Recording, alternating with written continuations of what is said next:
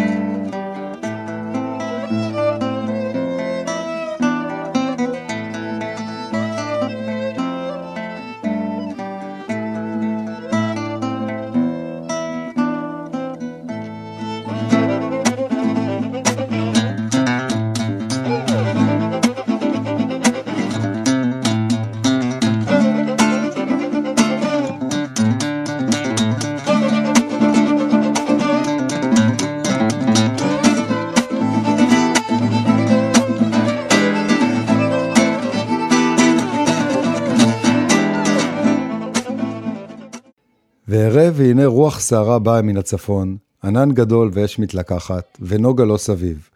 ומתוכה כעין החשמל מתוך האש.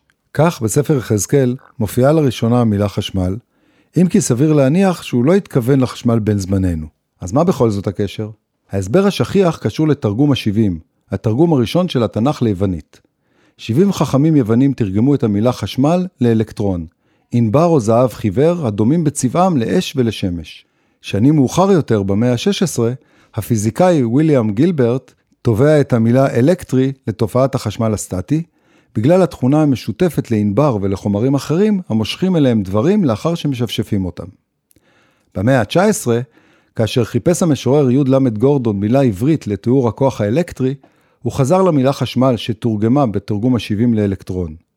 אליעזר בן יהודה אימץ את בחירתו של גורדון, בעוד בנו, איתמר בן אבי, טבע את הפועל מחושמל במשמעותו המטאפורית, וזיכה אותנו בביטויים חדשים ומחשמלים, כמו הופעה או בחורה מחשמלת.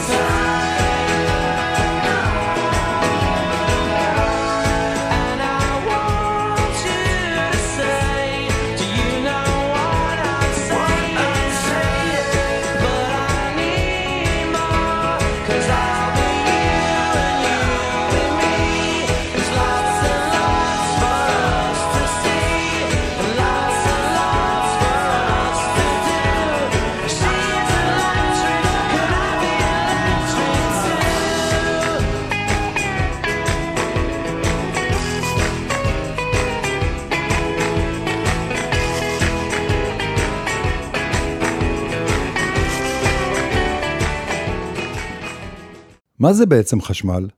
מהי האנרגיה הזו שמגיעה אלינו הביתה ומפעילה כמעט הכל? חשמל הוא תופעה טבעית המוגדרת כתנועה מסודרת של אלקטרונים במוליכים, קצת כמו זרימה של מים בצינורות. החשמל היא האנרגיה אותה הכי קל לייצר, להוליך ולעשות בה שימוש, ואומנם במהלך תנועתם, האלקטרונים עשויים לבצע עבודה מסוגים שונים, כגון סיבוב מנוע חשמלי, הדלקת תאורה ועוד. מסובך? אין לכם או לי מושג עד כמה. הסיפור של החשמל כולל מושגים כמו אלקטרונים, מוליכים, התנגדות, בידוד, פאזה, הרקה, פלוס, מינוס, זרם ישר וחילופין, לא פשוט. לא פשוט בכלל. טל, הבכורה שלנו, עזרה אומץ והחליטה לצלול לעולם החשמל. בשלוש השנים האחרונות היא נעזרת באור המיוצר על ידי אנרגיה חשמלית, כדי ללמוד מצאת החמה עד צאת הנשמה את מקצוע הנדסת החשמל. מסתבר שכדי להדליק את האור יש צורך בהמון פיזיקה ומתמטיקה. ולנו, לא נותר אלא לתמוך ככל יכולתנו במאמץ החשמלי.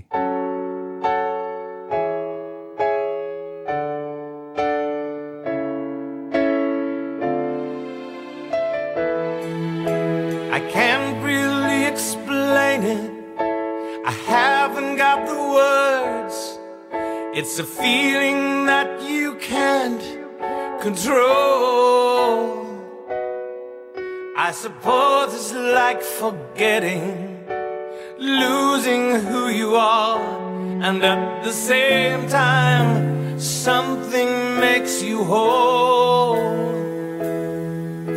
It's like that there's music playing in your ear, and I'm listening, and I'm listening, and then I disappear,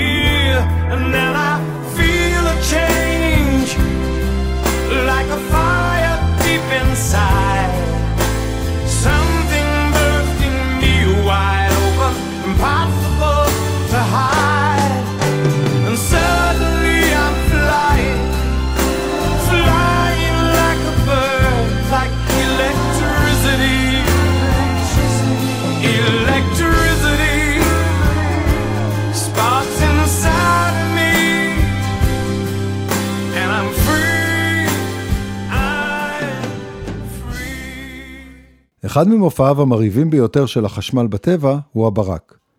תופעה נגרמת כתוצאה מהצטברות מטען חשמלי שלילי בתחתית ענני הסערה, המתפרק אל האדמה הטעונה במטען חיובי. האוויר, המשמש כמוליך, מתחמם לטמפרטורה של עד 30 אלף מעלות צלזיוס, והחום הרב יוצר את הבזק האור המרהיב. אבל הברק אינו רק יפה, הוא גם מסוכן מאוד. מדי שנה נהרגים אלפי בני אדם מפגיעות ברק ברחבי העולם. מצד שני, הסיכוי להיפגע מברק הוא 1 לעשרת אלפים, נתון שאמור להרגיע, אלא אם כן אתם עונים לשם רוי סליבן, שנפגע ממכת ברק לא פחות משבע פעמים, ונכנס בשל כך בשערי התהילה של גינס. לא אלאה אתכם בפרטי מאבקו של המוליך האנושי בברקים, ורק אציין שאפשר להבין מדוע אחרי הפגיעה הרביעית, סליבן, שהאמין בכוחות שרוצים ברעתו, החל להסתובב עם קנקן מים למקרה ששוב ייפגע ושיער ראשו יתלקח. הפעם השביעית והאחרונה שנפגע מברק, תפסה אותו בזמן שדג להנאתו באגם. הברק פגע בראשו, הצית את שערו, צרב את החזה והבטן שלו, וכאילו כל זה אינו מספיק, הוא נאלץ גם להתעמת עם דוב שניסה לגנוב דג מחכתו. ולמרות שהברקים לא יכלו לגופו של סליבן, הם כנראה הצליחו לפגוע בנפשו. בן 71 נמצא סליבן ללא רוח חיים, ככל הנראה לאחר שהתאבד בירייה בראשו. תגידו, זה רק אני, או שההסברים המדעיים וסיפורי האימה קצת מקלקלים את הרומנטיקה של ליל חורף סוער?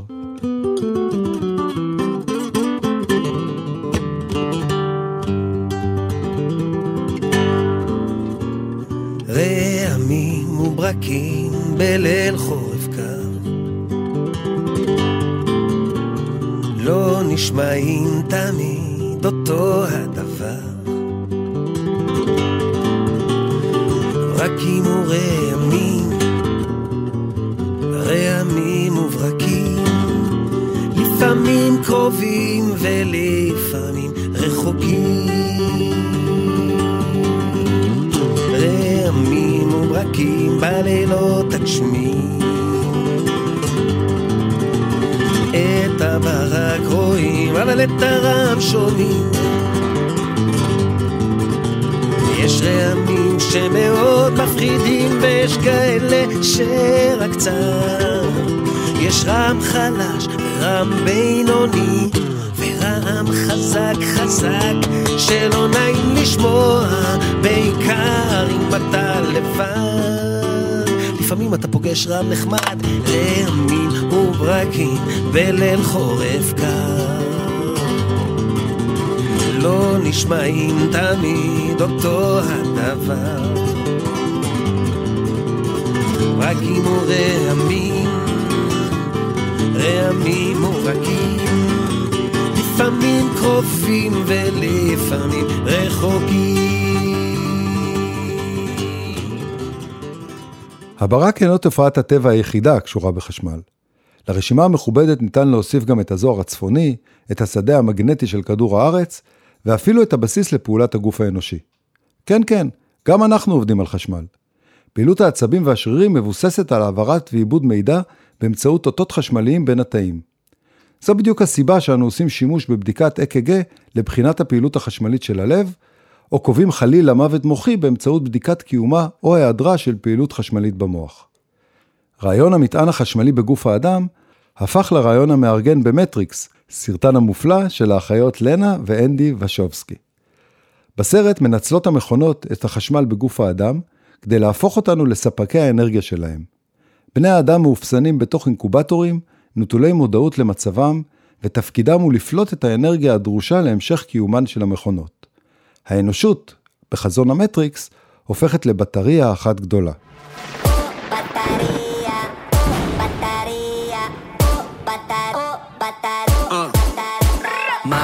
Supercharged, my chain extra large. My girl, she a star, that's why I watch her. Audemars, my whip, supercar, hit the track, push the start. You know that it's a problem when I walk the boulevard. Yeah, I can be your plug, just tell me where to go. Yeah, I'ma charge you, make you drop it below until your Batería, batería, batería, batería,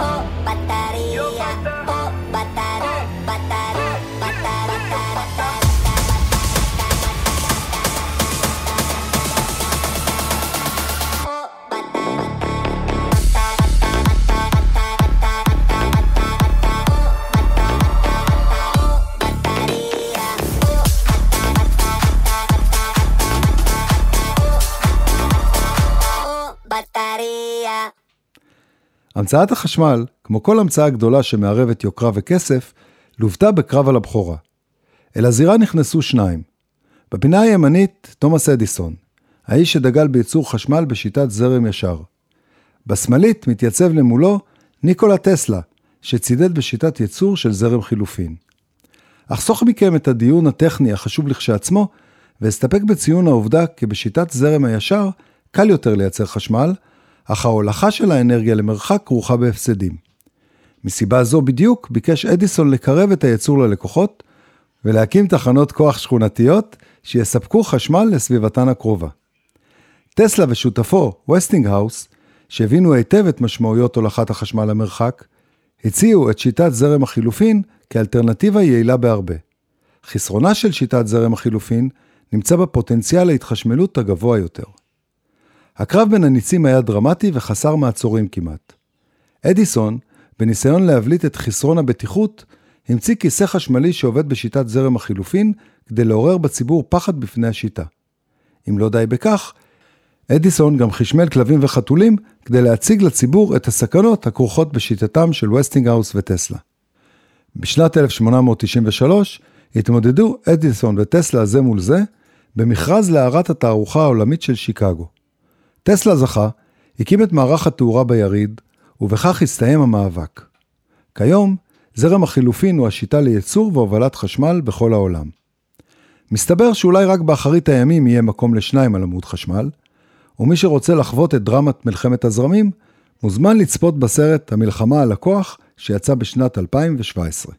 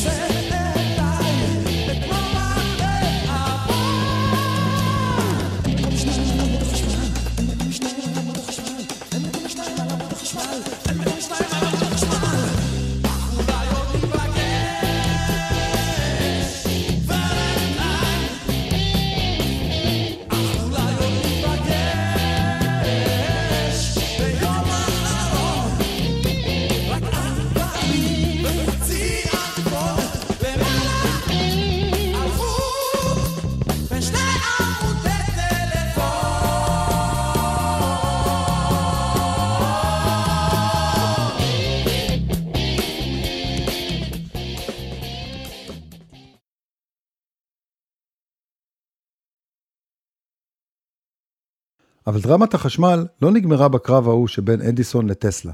גם היום אנחנו חיים בעיצומה של מהפכת אנרגיה. ייצור החשמל עושה שימוש הולך וגובר באנרגיה המופקת ממקורות טבעיים כמו אור השמש, רוח ומים, המאפשרים קיום חיים מודרניים עתירי אנרגיה, לצד שמירה על הסביבה והבריאות של כולנו. כבר היום, כ-20% מהחשמל בעולם מיוצר ממקורות אנרגיה מתחדשת, על חשבון מקורות אנרגיה מסורתיים ומזהמים שהמלאי שלהם מוגבל. מגמה זו צפויה להימשך לאור הירידה בעלות הפקת החשמל ממקורות מתחדשים, ומעריכים שמקורות אלה יכפילו את חלקם בתעשיית ייצור החשמל עד שנת 2050. בקיצור, דלקים מזהמים out, אנרגיה ירוקה in. העתיד נראה נקי וירוק יותר, וכך ניתן לצפות בפריחת חוות טורבינות רוח על ראשי הגבעות, ובאין ספור גגות המתהדרים בשמלת פאנלים סולאריים חגיגית. הפאנלים האלה עושים דרכם גם לתעשיית הרכב, שהוציאה זה מכבר את הדגמים הראשונים של מכוניות הנוסעות בכוח אנרגיית השמש. מהפכה של ממש. והמהפכה אינה עוצרת בגגות או בכבישים. בשנים האחרונות יש השקעה ניכרת בפיתוח פאנלים סולאריים שקופים, שניתן למקם על חלונות מבלי שיפריעו לכניסת אור השמש או שיסתירו את הנוף. פאנלים כאלה יאפשרו שימוש נרחב בייצור חשמל מאנרגיית השמש, כאשר יותקנו על חלונות גורדי שחקים, כלי רכב או אפילו טלפונים סלולריים. אז הנה, החדשנות המשבשת מגיעה גם אל תעשיית האנרגיה המסורתית, משנה את כללי המשחק ומציעה עתיד אנרגטי טוב, נקי ובריא יותר.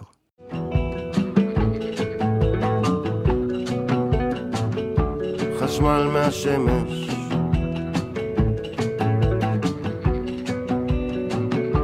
יושב במרפסת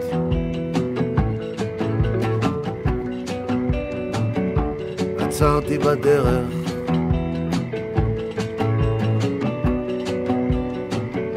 נכנסתי למים.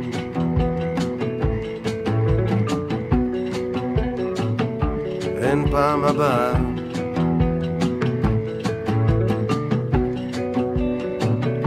אין פעם הבאה.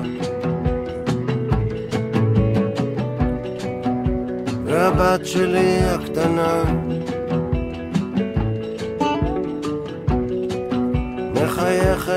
ממה שעברה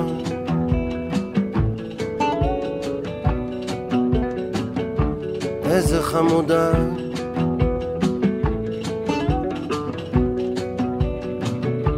איזה חמודה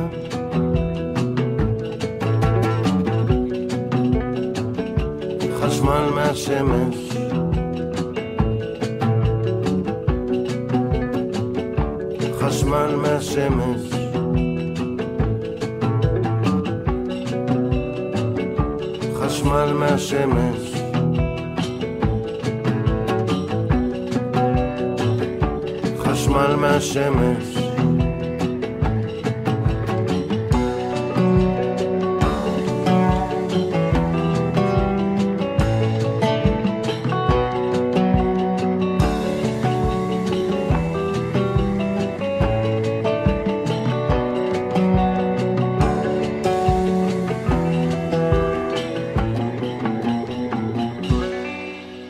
חיינו בעולם חשמלי, הסתמכנו עליו לכל, ואז החשמל כבה.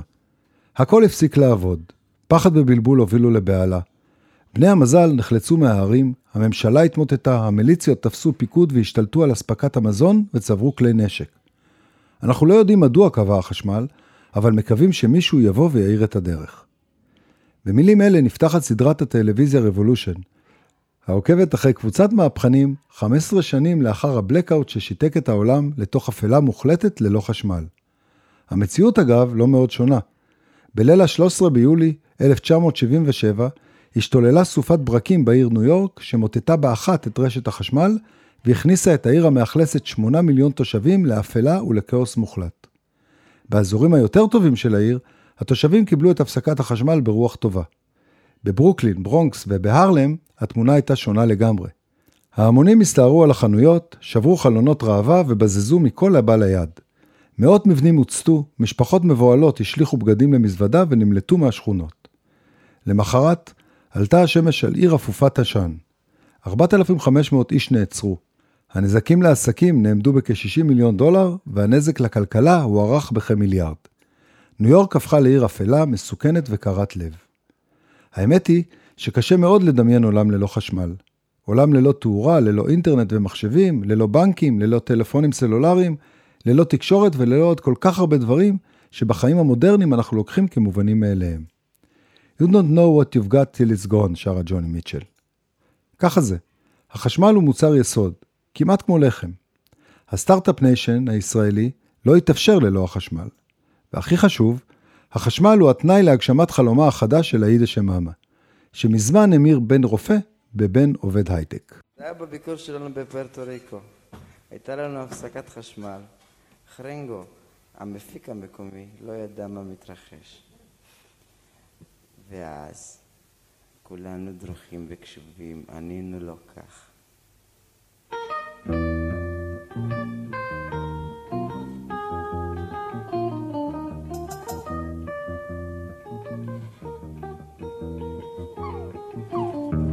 הפסקת חשמל, הפסקת חשמל, כמה צר לי, מה חבל לי, הפסקת חשמל, הפסקת חשמל, בלי חשמל, אלה אתם יודעים אי אפשר.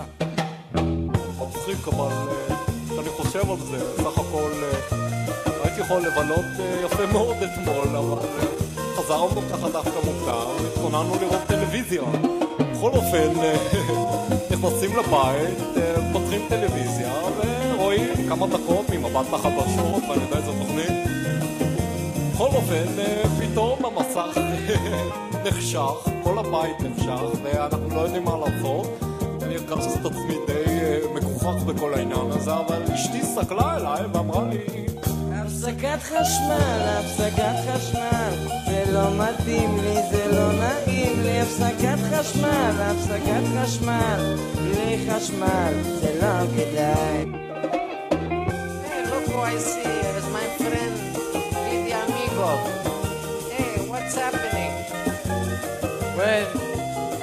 something very strange happened to me. I go to my home and I put a piece of bread in my toaster. In your what? I put a piece of bread in my toaster. Oh, in your toaster. Yes, my toaster. It's your toaster. And I wait, it is my toaster, yes. Oh, I it's wait, not my toaster. I wait about 10 minutes, nothing happened. I wait about half an hour, nothing an hour? Yes, suddenly my wife come and she said, הפסקת חשמל, הפסקת חשמל, זה לא מתאים לי, זה לא נעים לי, הפסקת חשמל, הפסקת חשמל, בלי חשמל, זה לא כדאי. ראשיתו של מפעל החשמל בארץ ישראל מזוהה עם פנחס רוטנברג, הזקן מנהריים. רוטנברג, מהנדס מים במקצועו, משתלב בתנועה הציונית, עולה לארץ ב-1919, עוסק בפעילות ציבורית ופונה למפעל חייו, הקמת חברת החשמל הארץ-ישראלית. רוטנברג משיג זיכיון להקמת תחנות כוח משלטונות המנדט הבריטי, וב-29 במרץ 1923 נולדת חברת החשמל לארץ ישראל.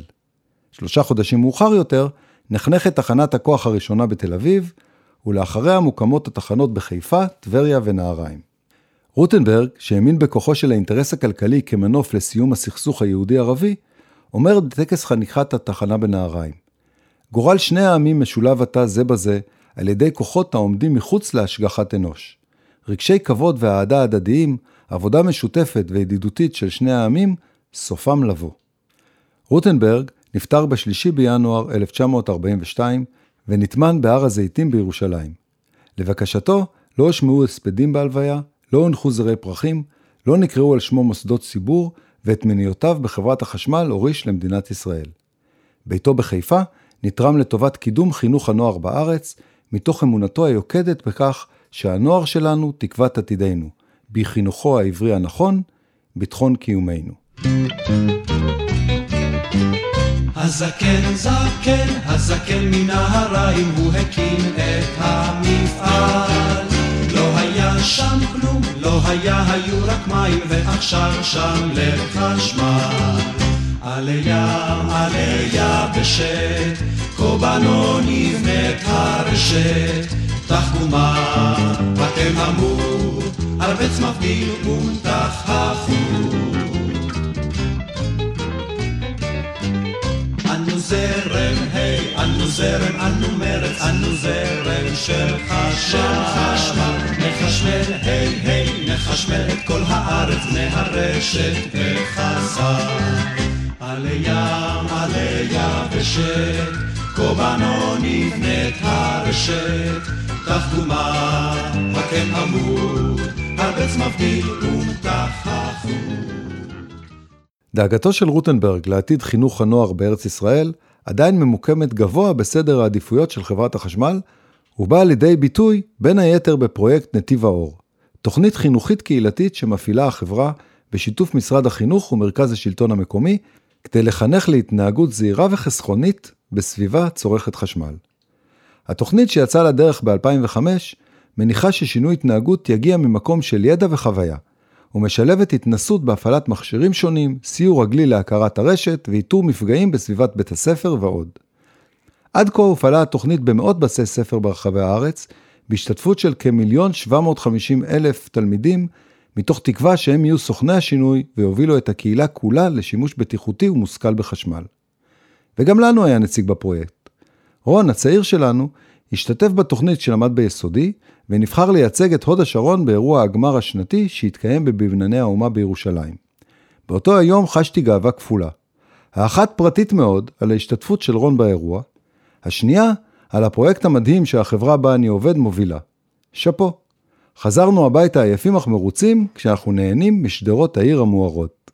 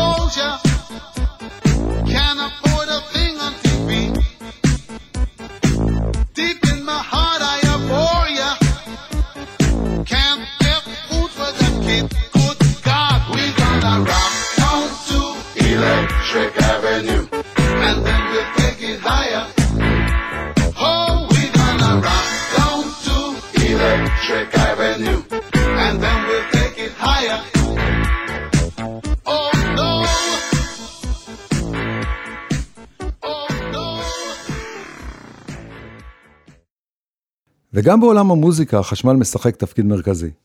מה שהתחיל בחשמול הגיטרה הראשונה ב-1931, והמשיך ב-65 עם קריאות הבוז הצורמות כשדילן עלה לראשונה עם החשמלית על הבמה, הולך וצובר תאוצה כשעוד ועוד כלים טכנולוגיים מהווים חלק בלתי נפרד מתהליך היצירה, הביצוע וההפקה המוזיקלית.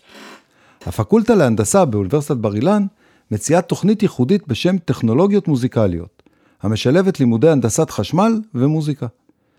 במסגרת התוכנית המקנה ידע בחשמל לצד ידע והתנסות באקוסטיקה וקוגניציות מוזיקליות, בונים הסטודנטים כלים דיגיטליים ומתנסים בתכנות מערכות מוזיקליות אינטראקטיביות, בהפקה, בעבודות אולפן ועוד.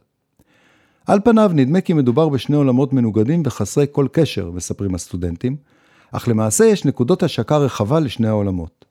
טכנולוגיות מוזיקליות כמו תוכנות הפקה, סינתסייזרים, מיקסרים ומוניטורים, קיימות בזכות ידע שהתפתח בעולם ההנדסה. בשילוב שני התארים, אנחנו בעצם לומדים את התורה ההנדסית ומיישמים את הלימוד שלה בעולם המוזיקה. בסופו של דבר, מוזיקה זה תדירויות ואותות, ובהנדסת חשמל אנחנו לומדים בדיוק את זה. דוקטור יואל גרינברג, אבי התוכנית, מספר כי הרעיון לחיבור חשמל ומוזיקה נולד במוחו עוד כשהיה סטודנט לתואר ראשון. אני מוזיקאי, אבל את התואר הראשון שלי עשיתי במתמטיקה ומדעי המחשב, הוא מספר. לקחתי קורסי בחירה במוזיקולוגיה, והרגשתי כי השילוב תרם המון לחוויית הלימודים. מדובר בתואר שנחשב להייטק של המוזיקה. עולם שלם של כלים אלקטרוניים זקוק לאנשים שיש להם ידע טכני בהנדסת חשמל, כי להבין רק במוזיקה זה לא מספיק.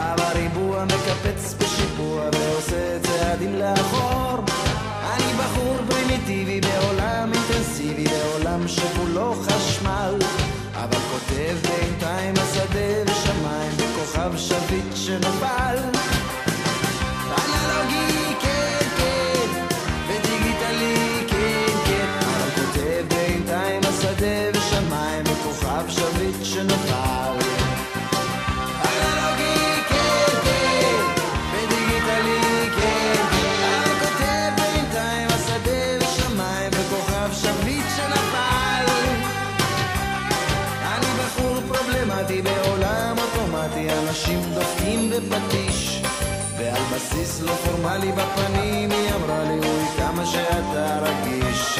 תראה תראה איזה פלא חרקים כאלה איך עשו אותם ככה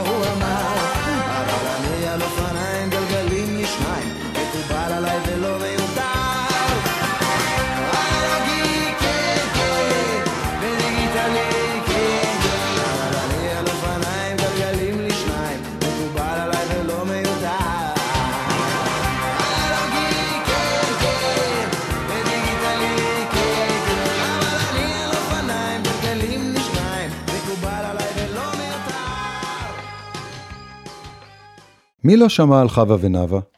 הדרמה הקומית המצוינת מספרת את סיפורם של נאווה וחווה, זמרות ששירתו יחד בלהקה צבאית, נפגשות בשנית אחרי 40 שנה, והמפגש המחודש מצית בהן את האומץ לדרוש מהחיים שוב את מה שאבד. חנה לסלו, נאווה בשבילך, מייצגת ישראלית קומבינטורית, עובדת ותיקה בחברת החשמל, שסידרה תפקיד גם לבת שלה, מבקשת מחברים שיחתימו עבורה כרטיס נוכחות, ומשאילה מהמשרד מדפסת שממילא אף אחד לא צריך. מבחינה זו, לסלה עושה את עבודתה נאמנה, מציגה גרסה מצחיקה, סטריאוטיפית ומטרידה במיוחד של חברת החשמל. שלא במתכוון, הסדרה מונגעת במורכבות חוויית העבודה בחברת החשמל. מחד תחושת השליחות, מותר עדיין לדבר ככה, שנלווית לעבודה בארגון המספק אנרגיה למדינת ישראל, ומאפשר לכל הפחות את שגשוגו הכלכלי. מאידך, מחשבות על שינוי קריירה בכל פעם שאתה מתעורר לסדרה שכזו, או לכותרת מבאסת בעיתון. העניין הוא שחברת החשמל כבר מזמן לא שם. ביולי 2018 נחתמה רפורמה המגדירה מחדש את כללי המשחק במשק החשמל, מעודדת את התחרות ומשנה את פני חברת החשמל הוותיקה והמוכרת. החברה נמצאת בעיצומו של תהליך שינוי עמוק ומקיף, שנועד לשמור על איכות אספקת החשמל, לשפר את השירות ללקוחות, לעצב משק חשמל מודרני, ולהבטיח שפנס הרחוב לא יכבה את עצמו לדעת.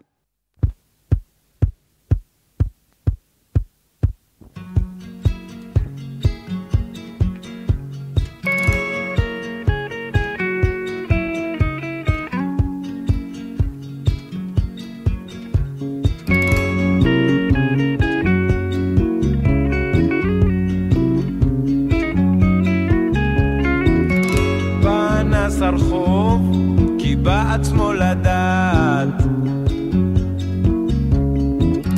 כי בלי חשמל הוא לא מצא שום טעם.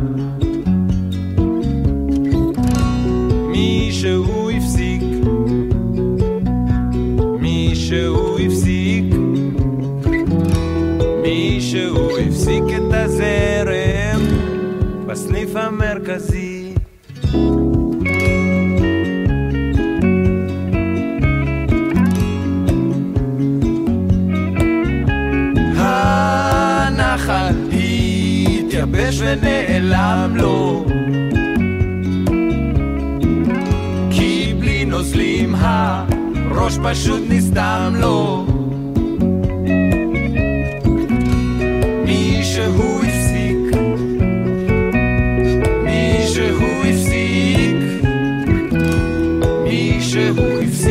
הזרם בסניף המרכזי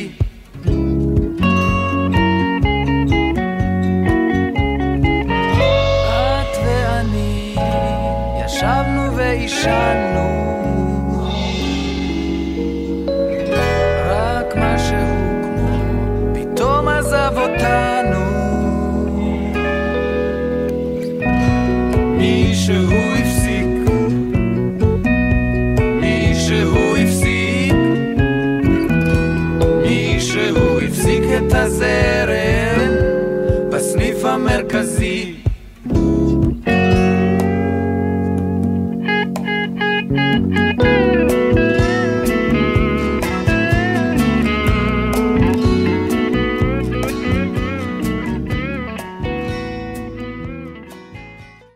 יצאנו לדרך עם האזכור הראשון בתנ"ך של המילה חשמל בספר יחזקאל, ורגע לפני סיום נחזור אל הפסוק הפותח את ספר הספרים שלנו, ואל ההפרדה הברורה בין האור לחושך. בראשית ברא אלוהים את השמיים ואת הארץ, והארץ הייתה תוהו ובוהו וחושך על פני תהום, ורוח אלוהים מרחפת על פני המים. ויאמר אלוהים יהי אור, ויהי אור.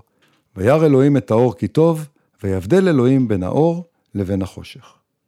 ולא רק בבראשית, במגילת מלחמת בני האור בבני החושך שנמצאה במדבר יהודה, מתוארת נבואה על מלחמה האחרונה והסופית בין כוחות הטוב, בני האור, לכוחות הרוע, בני החושך.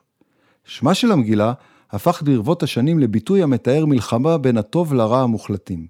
וכך גם בסיפור פח השמן בחנוכה, על המנורה שהאירה את בית המקדש שמונה ימים.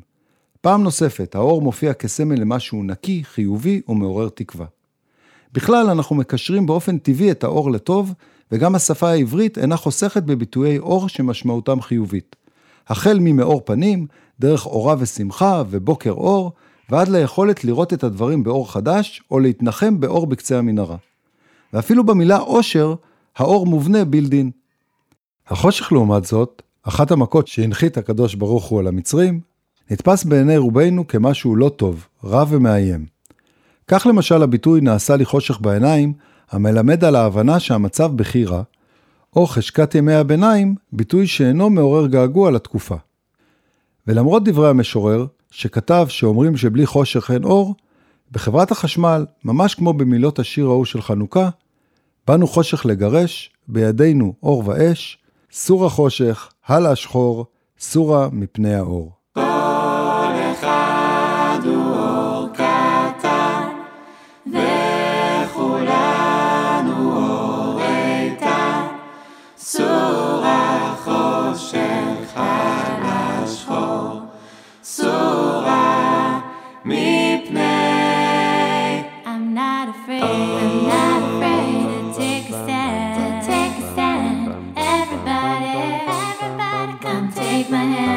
We'll walk this road together. Through the storm, whatever weather,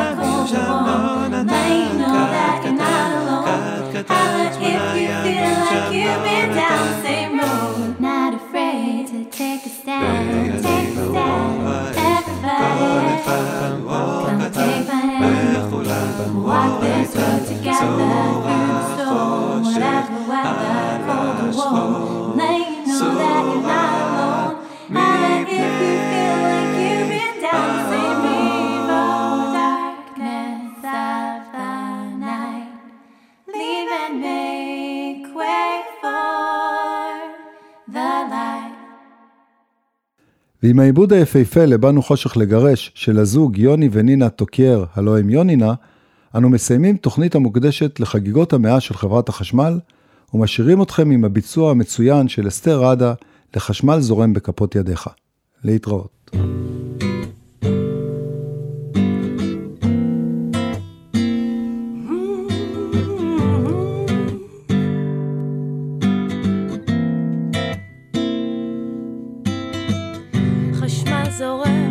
בכפות ידיך, אהוב אותי חלש. אהוב אותי בכפות ידיך, ככה לאט לאט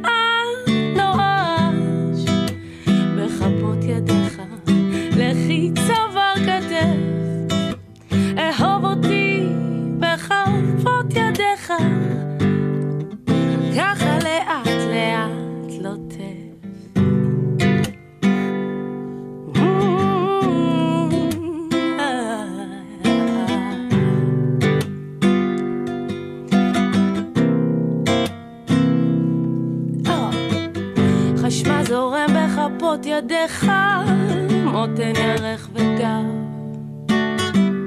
אהוב אותי במשעול שפתיך,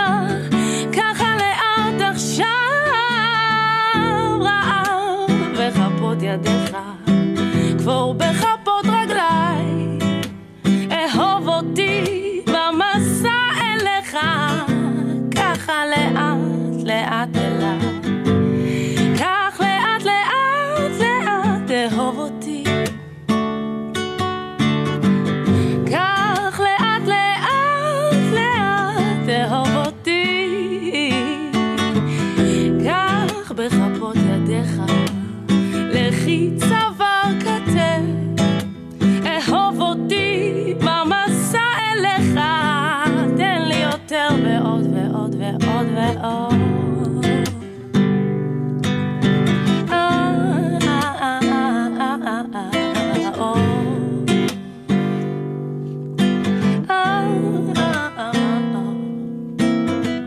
חשמל זורם בכפות ידיך, אהוב אותי חלש. אהוב אותי בכפות ידיך.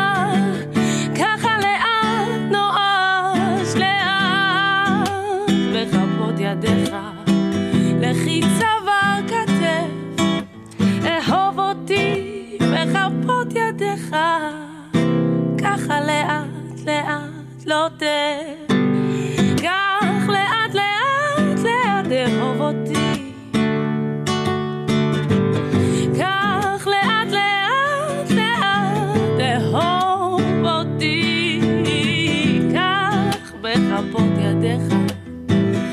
כתף